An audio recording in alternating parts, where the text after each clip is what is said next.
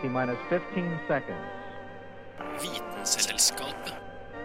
T minus 10, 9, 8, 7, 6.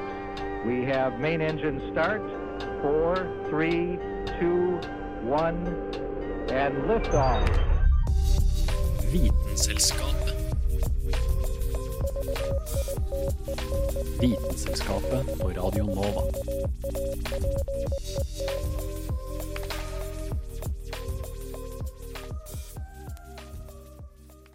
Hva er vel påske uten påskekrim?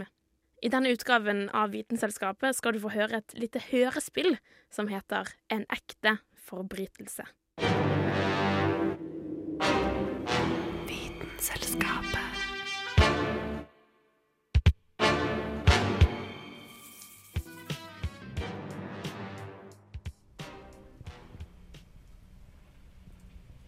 Det var en mørk og stormfull aften.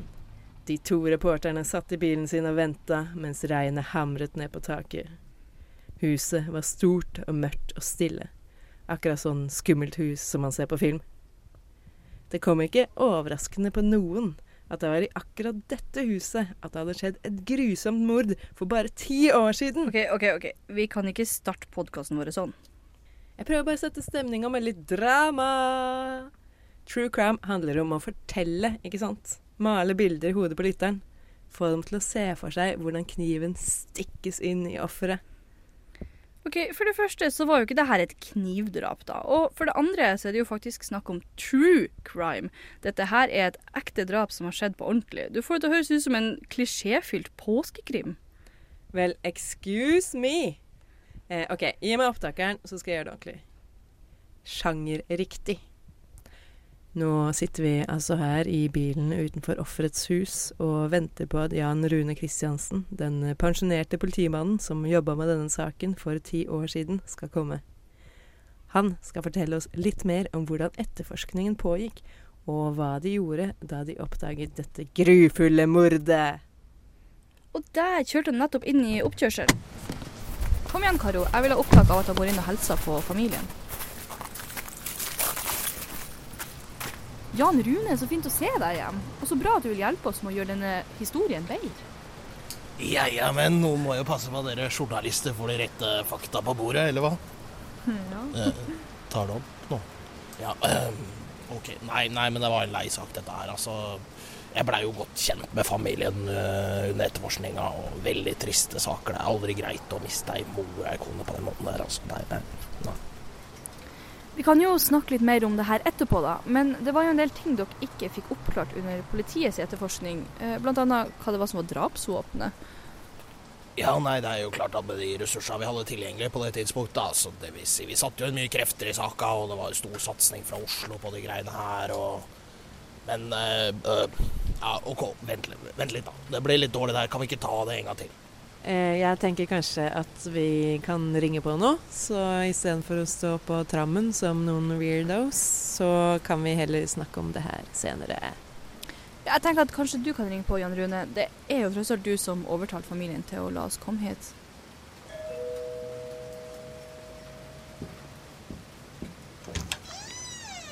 Kristiansen! Det var jaggu lenge siden. Kom inn, kom inn. Jeg hørte at dere hadde pensjonert deg fra politiet. Ja ja, du holder deg godt. Du holder deg godt. Svært godt, unge mann.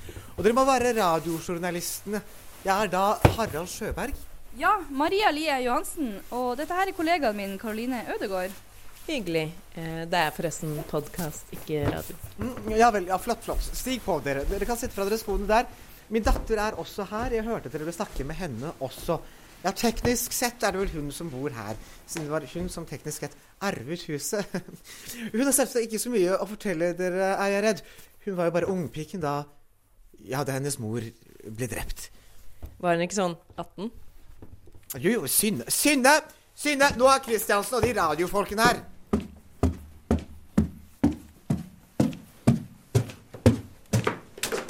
Hei, Synne Sjøberg. Så det er dere som skal finne ut hva som skjedde med mamma? Tenkte dere å arrestere riktig person denne gangen, eller? Så da, synd alle har lov til å gjøre feil. Tenker du i det hele tatt på hvordan det er for oss at folk driver og roter dette opp igjen? Eller er dere bare opptatt av hvor mange kliks dere kan få på podkasten deres? Hm? Jeg kan forsikre deg, Synne, om at vi tar saken til mor di veldig seriøst. Vi har til og med kontakta en rettstekniker og en kriminalpsykolog som skal komme hit litt senere og gå gjennom saken, sånn helt teknisk. Og vi har også fått inn en grafisk designer som skal gjøre at nettsaken kommer til å se skikkelig proff ut. Med kart og sånt, og små snutter som begynner å spille når man scroller ned. Veldig moderne. Ja, takk for det, Karo. Eh, han kommer ikke hit i kveld, da, men det er klart, hensynet til de pårørende er jo noe vi bryr oss veldig mye om. Mhm. Så er det mulig å få se åstedet, eller? Ja, ja, ja, selvfølgelig. Følg meg. Hun ble funnet i dagligstuen. Ja, det er like hun her. Eh, Nå er det jo nærmere ti år siden, så det er klart Det er ikke så mye å se her lenger. Men vi har ikke endret på så mye. Annet enn dette håndknyttede silkegulvteppet, ja. Og sofagruppen byttet vi også ut for noen år siden. Men ellers er rommet ganske likt, ja. Men Jan Rune, du husker vel kanskje hvordan det så ut eh, første gang eh, du kom hit? Ja, det er klart det. Offeret, altså, altså din mor og din kone, lå da her midt på gulvet. Hun var død når vi fra politiet kom. Blunt force trauma, var det ikke? Ja, det var altså et hardt slag i hoderegionen med døden til følge. Jeg har faktisk med meg politirapporten her, med bilder og sånn. Tenkte kanskje dere være interessert i å se det? Ja, veldig. Eh, så, men skjønte du med en gang da du så at det var et slag i hodet som hadde drept henne? Dette tror jeg ikke jeg er så interessert i å høre på lenger. Synne er litt følsom når det kommer til dette med hennes mors død. Jeg tror jeg skal gå og snakke litt med henne. Men dere klarer dere veldig fint på egen hånd, dere. Vil dere ha litt noe å drikke? Kanskje kaffe, te, rødvin? Jeg har noen nydelige flasker Cabernet Sauvignon importert fra Chile. Eh, nei takk, eh, ellers takk. Jeg tror vi klarer oss. Ikke noe biter vi heller. Jeg har en stek i ovnen. Kristiansen, jeg, jeg husker jo hvor glad du er i stek. Håper dere vil ha en matbit med oss senere når dere er ferdig med dette. Ah, Sjøberg, du er en mann etter mitt hjerte. Han lager den beste steika i hele landet, jenter. Og det er ikke en overdrivelse. Ja, uh, vi får se hva vi gjør når vi blir ferdig her. Flott, flott. Da, da snakkes vi etterpå. Så offeret lå altså her, uh, midt på gulvet. Lå hun på ryggen, eller lå hun på magen? Hun lå sånn på magen mot vinduet. Så vi trakk slutninga at personen som angrep henne, kom bakfra mens hun sto med ryggen mot stuedøra. Maria, Maria, sjekk her. Det er på nyhetene. at det har kommet nye avsløringer i Victoria Sjøberg-saken. Sjøberg ble funnet drept i sitt eget hjem i 2008. Og etter en lengre etterforskning ble Robert Gladbekk siktet og dømt for drapet. Gladbekk var ifølge politiet Sjøberg sin elsker, og politiet mente da at han skulle ha drept hun fordi hun nektet å gå fra sin ektemann. Gladbekk har hele tiden hevdet sin uskyld, og i dag, nesten ti år etter forbrytelsen, har retten renvasket han for drapet. Det skjedde på bakgrunn av at flere nye og troverdige vitner har stått fram og gitt Gladbekk et klart alibi i saken. Gladbekk ville selv ikke kommentere saken, men ifølge hans advokat er han både lettet og glad for at han endelig har blitt trodd. Om han vil gå til erstatningssak av de ti årene han urettmessig har sittet i fengsel, er fremdeles ikke avgjort. Denne saken har rystet hele Norge, og vi har med oss NRKs ekspertkommentator i denne saken. Vil du si at det som har skjedd her, kan kalles et justismord? Er dere klar over hva dette betyr? At rettsstaten Norge er en vits. Gladbekk er skyldig, det visste vi da, og ingenting kommer til å endre min oppfatning av Gladbekk. Han har jo bunnsolid alibi. Du må vel også innse at politiet kan ha tatt feil? Nei, nå må du rulle inn her, da. Folkens, folkens, dere skjønner hva dette betyr? For det første, det kommer til å bli masse mer presse om akkurat denne saken. Folk kommer til å bli ville etter å høre om hva som faktisk skjedde. Som betyr at vi er de første på saken. Altså inside story. Vi står bokstavelig talt på flekken der Sjøberg ble drept. Og det betyr også at det går en morder løs. Så vi må finne ut hvem det var som faktisk gjorde det, før politiet åpner saken på nytt og ødelegger alt. Jo, ja, men så du sier at vi skal løse en sak som politiet ikke klarer å løse? Nå må jeg faktisk bare få skyte inn her at vi, altså politiet, faktisk klarte å løse denne saken. Ja, altså, jeg mener jo at det du sier er at vi må finne den riktige morderen, helst på noen få timer, da. Ja! Vi kommer til å vinne en fucking Pulitzer. I hvert fall en scoop. Og vi får løst et krimmysterium før politiet! Det er jo akkurat det true crime handler om. Herregud, altså. Du er jo fullstendig urealistisk. Hvordan i all verden tenkte du at vi skal løse denne saken? Ha! Ved hjelp av våre venner Vitenskapsfolkene! Det er kommet noen flere gjester. Jeg regner med at det er noen bekjente av dere. Ja, det er en psykolog og en rettstekniker som skal hjelpe oss med å få det faglige på plass. Så flott. Ja, hei alle sammen. Eh, Det er jeg som er Sondre Breidal, kriminalpsykolog. Ja. eh, hei, Åse. Åse Stensland, rettstekniker. Så fint at dere kunne komme. Vi kunne jo selvsagt tatt intervjuene med dere en annen sted, men jeg føler at det er litt mer ekte eh, om vi tar det her på selve åstedet. Ja, det er helt fint for meg. Jeg har også tatt med meg litt utstyr da, som jeg tenkte jeg kanskje kunne vise fram, sånn at folk forstår hva jeg faktisk jobber med. Jeg vet ikke om det fungerer så godt på podkast, da, men Vel, vel, før dere begynner med denne pod-tingen deres, er det noen her som har lyst på et ørlite glass med rødvin? Jeg har allerede satt en flaske til dekantering ute på kjøkkenet, så her er det ingen grunn til å være beskjeden. Ingen? Jeg vet ikke helt om vi får tid til å sette oss ned og drikke akkurat nå, da. Man har alltid tid til rødvin, som jeg pleier å si. Jeg stikker og skjenker noen glass nå, jeg. Skal vi se. Hvor mange er vi blitt nå? Psykologen og rettsteknikeren er her. Meg selv, min datter Synne skal sikkert også ha. Og dere to fra podden. Også Kristiansen, da. Du spytter vel ikke i glasset, du, Kristiansen? det er jo ingen politifolk som gjør det. vet du. Jeg er tilbake om nøyaktig to strakser. Ja ja, folkens. Eh, Velkommen til åstedet. Kanskje ikke helt sånn dere er vant til, men eh, det skader ikke akkurat med litt eh, fargerike karakterer når man lager podkast. Ok, jeg tenker vi får bare begynne. Vi var akkurat i gang med å gå gjennom hva som skjedde fra da politiet kom og fant liket, så vi kan jo egentlig bare gå gjennom fra begynnelsen før vi blir avbrutt igjen. Her kommer det, vet du. Noe god gammel vær rouge. Bare å forsyne seg. Og så tok jeg med Elise. Hun var jo her da min kone Victoria døde. Hei, hei, god dag. Elise Munthe Larsen, jeg var Victorias personlige assistent. Nå jobber jeg mest med fondsforvaltningen til familien. Og du var her da det faktisk skjedde? Sånn typ akkurat her? Det er jo eh, Altså, det forenkler jo saken helt sykt. Nei, eh, jeg satt på kontoret i andre etasje, helt i den andre enden av huset, så jeg fikk dessverre ikke med meg noe av det som skjedde her nede. Dette forklarte jeg mange ganger til politiet da de undersøkte saken for ti år siden. Men altså, du var jo i bygget. Du må jo ha fått med deg noe? Altså, Elise, du kan jo fortelle om han fyren du så fra vinduet, f.eks. Ja, altså. Jeg kan jo gå gjennom det jeg allerede har fortalt i vitneforklaringen min, hvis dere føler det er relevant for denne podkasten deres. Eh, ja. Vi er veldig interessert i alt vitner kan ha å si. Førstehåndsberetninger er jo gull verdt når vi skal sette sammen en story. Hvis du mener det, så er det greit for meg. Ok, så om jeg bare holder opptakeren sånn her Elise Munthe Larsen, du var offerets personlige assistent, og du var faktisk i huset da hun ble drept. Kan du fortelle oss hva du så? Jeg satt på Mac-en min og jobbet, som vanlig. Victoria var ikke der. Hun skulle ta noen telefoner og slike ting. Og hun likte ikke så godt å snakke i telefonen mens jeg var der, så jeg var alene. Så på et tidspunkt reiste jeg meg opp bare for å strekke meg litt. Dere vet jo hvordan det er når man blir sittende i en positur veldig lenge. I hvert fall. Jeg reiste meg opp og gikk bort til vinduet, bare for å gjøre noe. Dette var visstnok rundt tidspunktet da drapet skjedde. Så kikket jeg ut av vinduet. Vinduet peker ut mot den andre siden av huset, altså mot en av sideveiene her. Vel, jeg så ut av vinduet, og da så jeg en mann som gikk forbi. Kunne du se hvem det var? Altså, han var jo et lite stykke unna, og det hadde så vidt begynt å mørkne.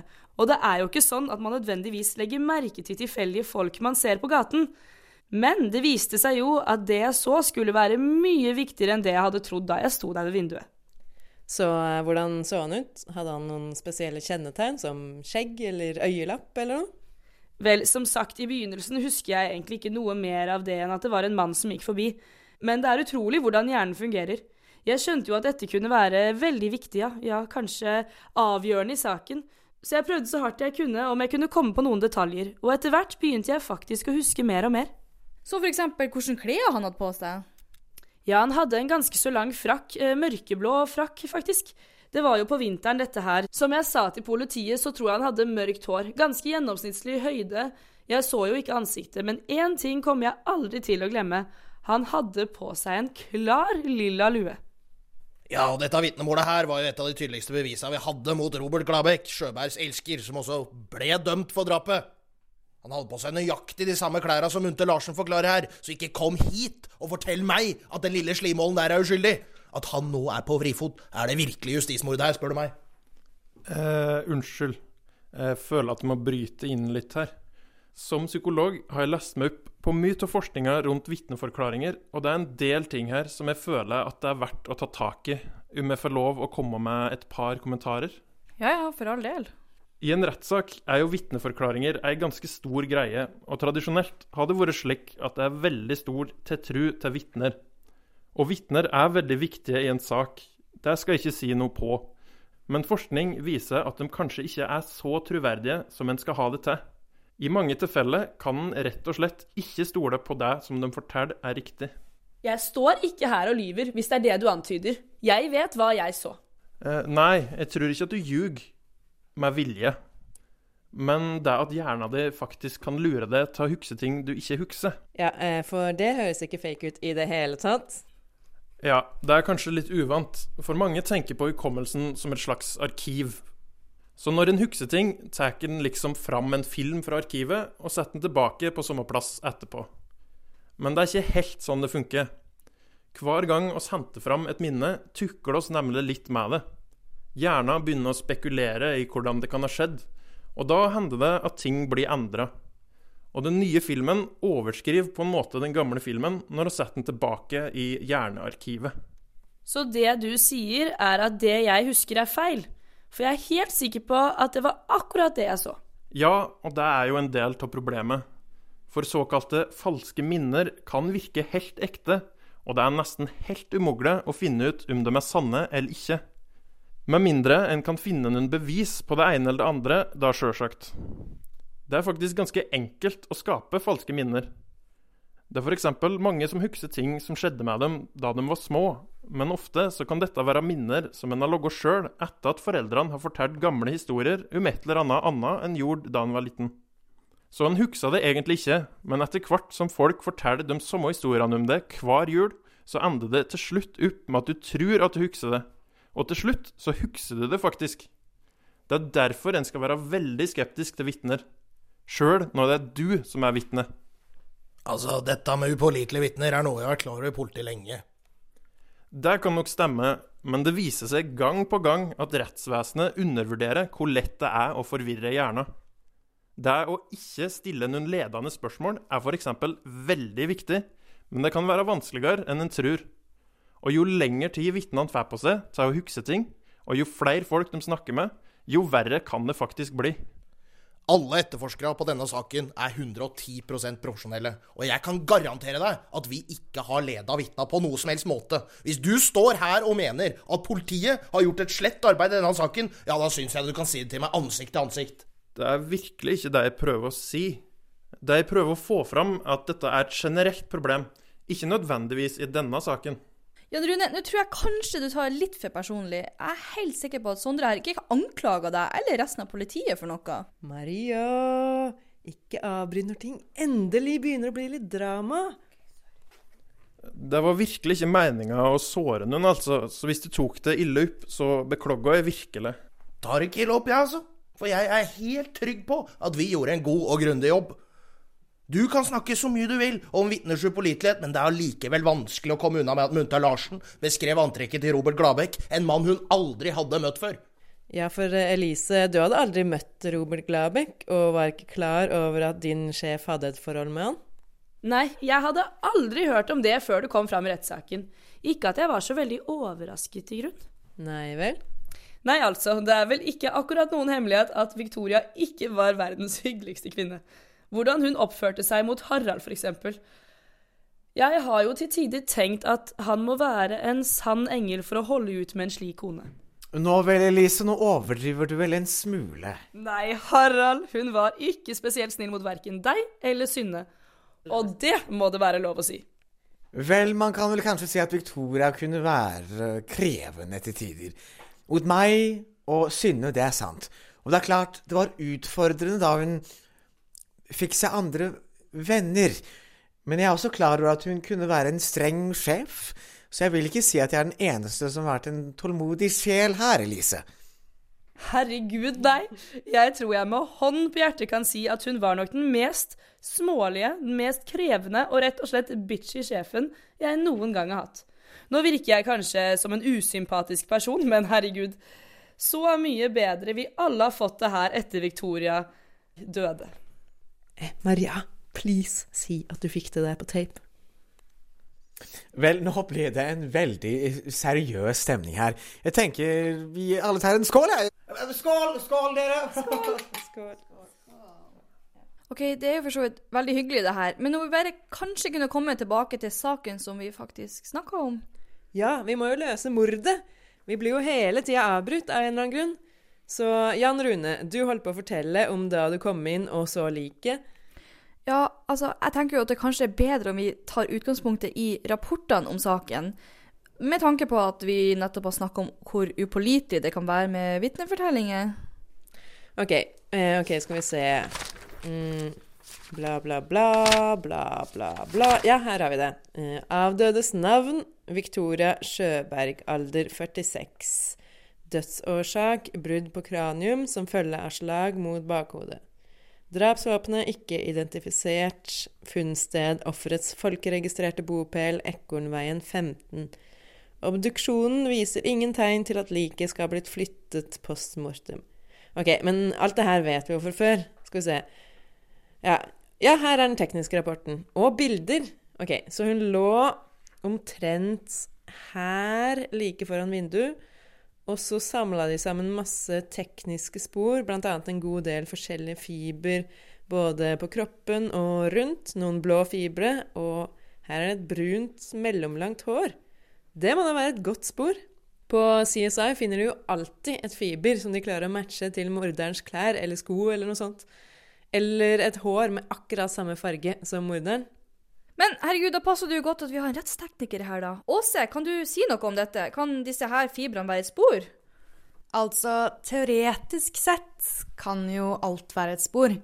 Men om det er et godt spor, det er jo en helt annen sak. Og akkurat i denne saken så ser du at det kan være en blindvei. Men hva hvis de hadde klart å matche fibrene til den mistenkte sine klær? Ja, nå er det jo selvfølgelig ikke så enkelt. Jeg hørte dere nevnte CSI. Og det er jo et TV-program som gir folk helt urealistiske forventninger til hva en rettsteknisk undersøkelse faktisk kan finne ut. Nå er det jo sånn at uh, for å bruke fiberen til noe, så må man ha noe konkret å sammenligne med. F.eks. jakken til den mistenkte. Da kan man få en match, og det kan jo selvsagt styrke saken. Men det skjer praktisk talt aldri at et matchende fiber er det avgjørende beviset i en sak slik som det ofte er i CSI, da. Det kan jo f.eks. være andre folk som har lik jakke. Men hva med håret, da? Tja, et hår kan jo potensielt være en god ledetråd. Men også her kan ett hår matche med andre. Dette håret som de fant, er jo en ganske vanlig farge, brunt, så det peker jo ikke i en bestemt retning. Synne, datteren, har jo f.eks. brunt hår. Og det har jo også Harald. Og du også, for den saks skyld.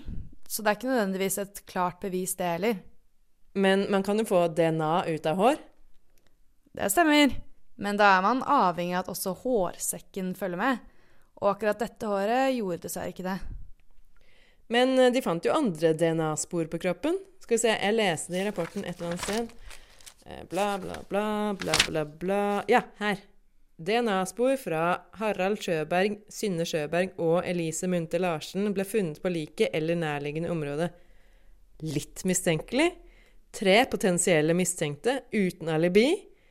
Tror vi skal klare å lage en helt egen podkastepisode bare på disse indisiene. Altså, alle disse tre hadde alibier og ble sjekka ut av saken. Det var omtrent det første vi gjorde. Harald var på butikken i omtrent det tidsrommet, og vi har flere ansatte bort på Rema der som kunne bekrefte at han var der, og at alt virka normalt. Og så dattera Synne, hun var jo på skolen, da. Men det står jo her at hun kom hjem nesten en time etter at skolen slutta. Ja, hun har forklart at hun brukte litt lengre tid på å gå hjem den dagen, hun. Tok seg en liten gåtur fordi det var så fint vær. alene. Ja, men vi anså forklaringa hennes for å være troverdig, og hun var jo uansett bare ei ungjente da mora ble drept. Og hva med deg, Elise, hadde du et alibi? Jeg skrev mailer hele dagen. Jeg må si at jeg synes det er en smule frekt at dere nå antyder at noen av oss hadde noe som helst med drap å gjøre.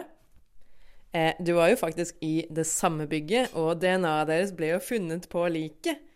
Kanskje dere gjorde det sammen alle tre? Jeg vet ikke hvorfor mitt DNA ble funnet på Victoria, men jeg kan love deg, jeg drepte henne ikke. Alt jeg sier, er at DNA er et temmelig sterkt bevis. Det er sant, men nå tror jeg kanskje du overvurderer hvor avgjørende det er i denne saken, Karoline. DNA er et nyttig redskap, og man kan jo ofte bruke det som tydelig bevis mot en forbryter, men det fungerer jo ikke helt sånn som på TV.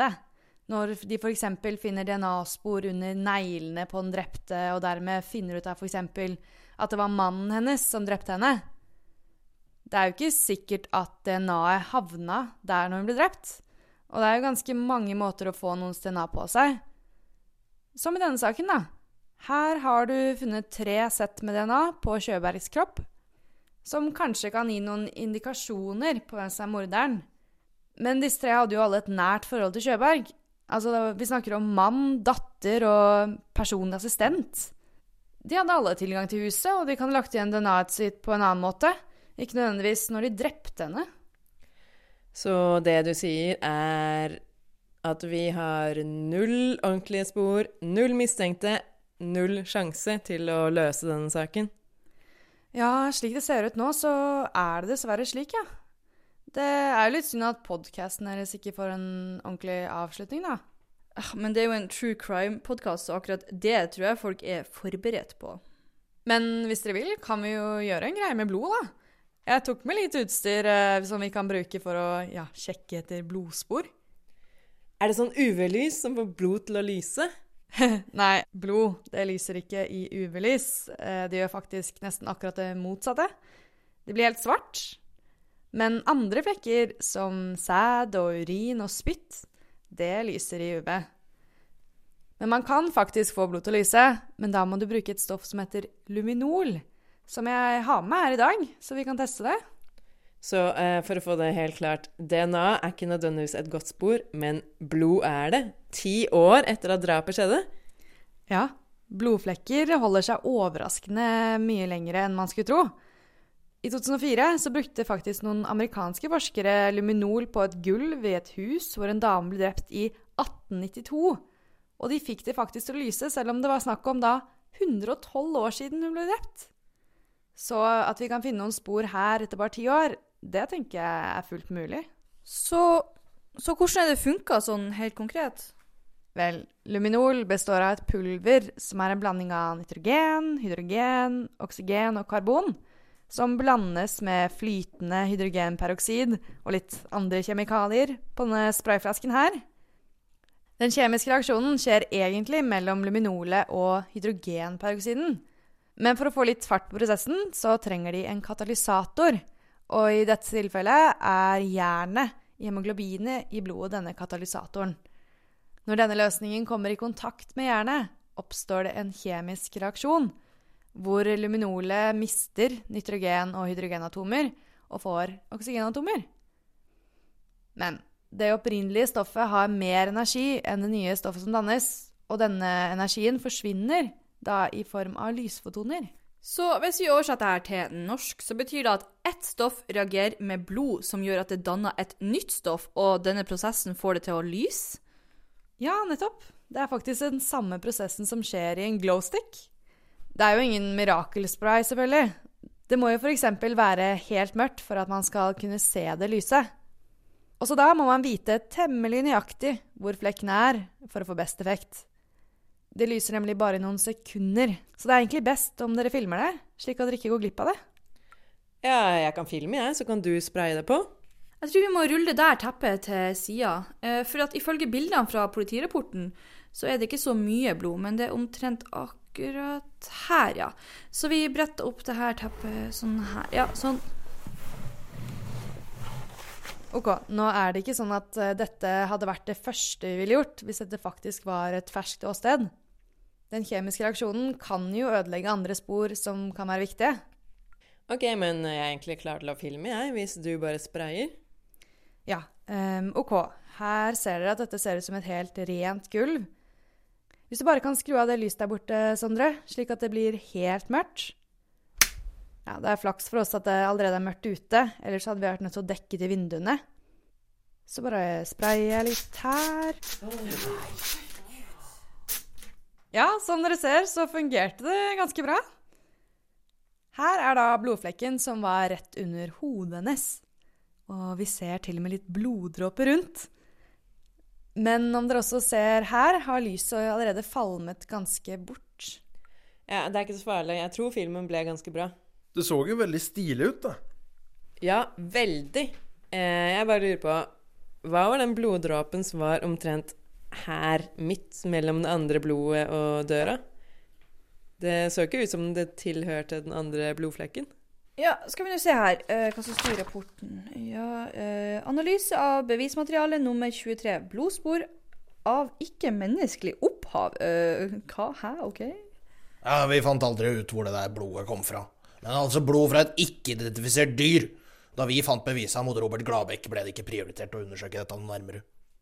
Men hvordan kan man i hele tatt se forskjellen på blod fra et menneske og blod fra et dyr? Vel, det er en ganske interessant prosess. For å sjekke om blodet er fra et dyr, så blander man blodprøven med et såkalt anti-human serum. Og hvordan man lager dette antistoffet, er ved at man injiserer blodplasma med blodtypen O inn i en kanin eller et annet forskningsdyr. Siden menneskeblod er et fremmedlegeme i dette dyret, så vil det begynne å produsere antistoffer. Så kan man utvinne disse antistoffene og bruke det i slike undersøkelser som her, da. Og når man blander det med blod, vil nemlig stoffet gjøre at blodet klumper seg hvis det er fra et menneske. Det høres da utrolig inhumant ut. Maria, Maria, jeg tror jeg har løst det. Uh, akkurat det er jeg litt skeptisk til. Jo, jeg er helt sikker. Det er den eneste logiske løsningen. Ja, men så si det, da. Ja, jeg skal jo avsløre det. Men selvfølgelig på en mest mulig dramatisk måte. Å, Jesus Christ. Mine damer og herrer, jeg vil bare opplyse om at jeg har løst denne saken. Nei, det er ikke mulig. Men før jeg avslører svaret, vil jeg at alle skal samle seg her i dette rommet.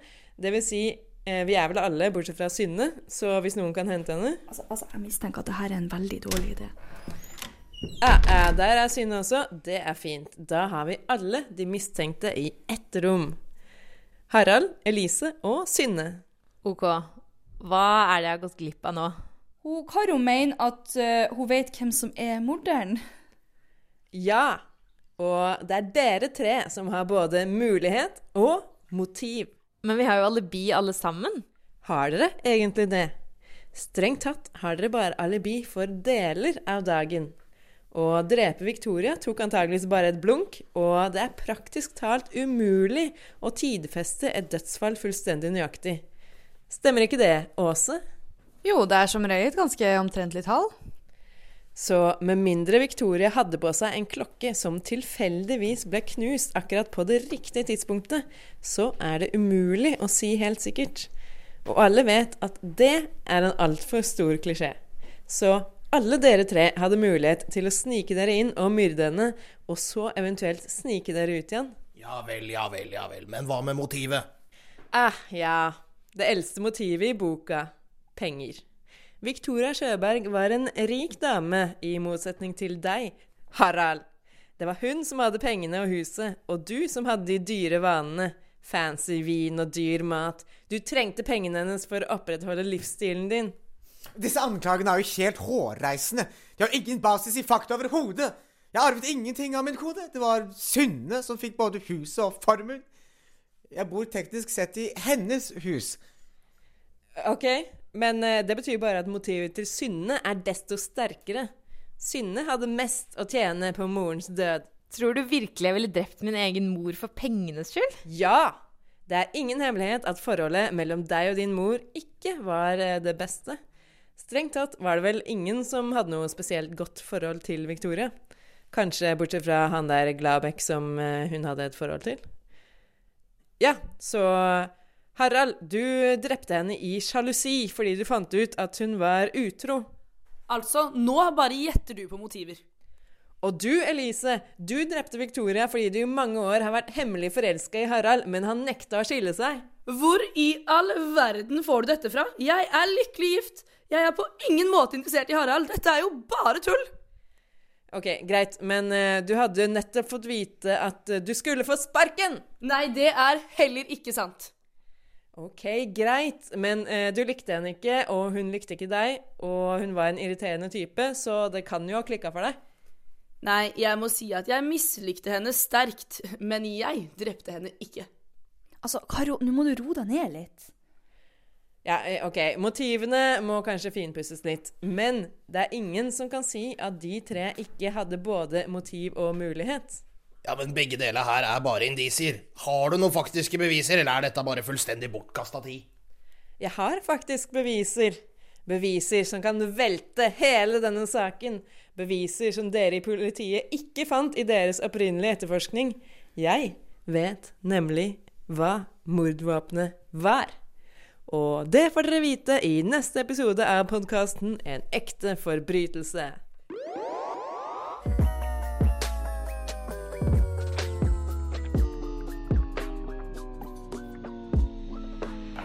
Vitenselskapet.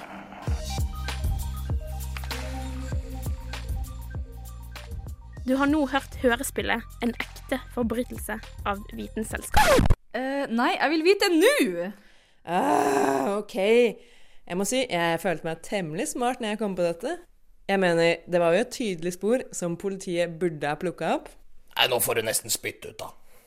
Ok, jeg begynte nemlig å lure på dette dyreblodet som ble funnet her, rett ved liket. Hvor kan det ha kommet fra? Det er jo ganske rart, særlig med tanke på at det er ingen i familien som har noen dyr. Men så kom jeg på den novellen av Roald Dahl som vi måtte lese i norsken på skolen. Den som handler om en kone som slår i hjel den utro mannen sin med et frossent lammelår. Og politiet finner aldri drapsvåpenet, fordi drapsvåpenet blir spist. Dyreblodet på gulvet har med andre ord antageligvis kommet fra selveste drapsvåpenet. Et stivfrossent lår! Så jeg spør, hvem her laget en stek den samme dagen som hans utro kone ble drept? Ingen ringere enn morderen selv. Harald Sjøberg. Er dette sant, pappa? Pappa, er det sant? Å, pokker ta deg, kvinne! Jeg visste det! Jeg var i hvert fall 95% sikker. Ti år, ti år uten å bli avslørt. Det var den perfekte forbrytelse. Og jeg hadde kommet unna med det også. Jeg hadde kommet unna med alt! Om det ikke var, det var for disse brysomme snusene. Ja, bli med meg. eh, Kristiansen, du kan ikke tro på dette! Hvordan våger du?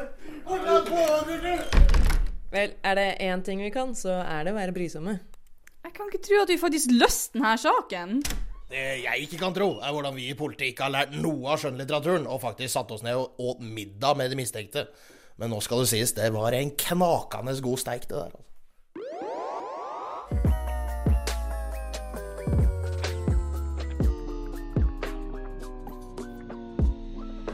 Vitenselskapet.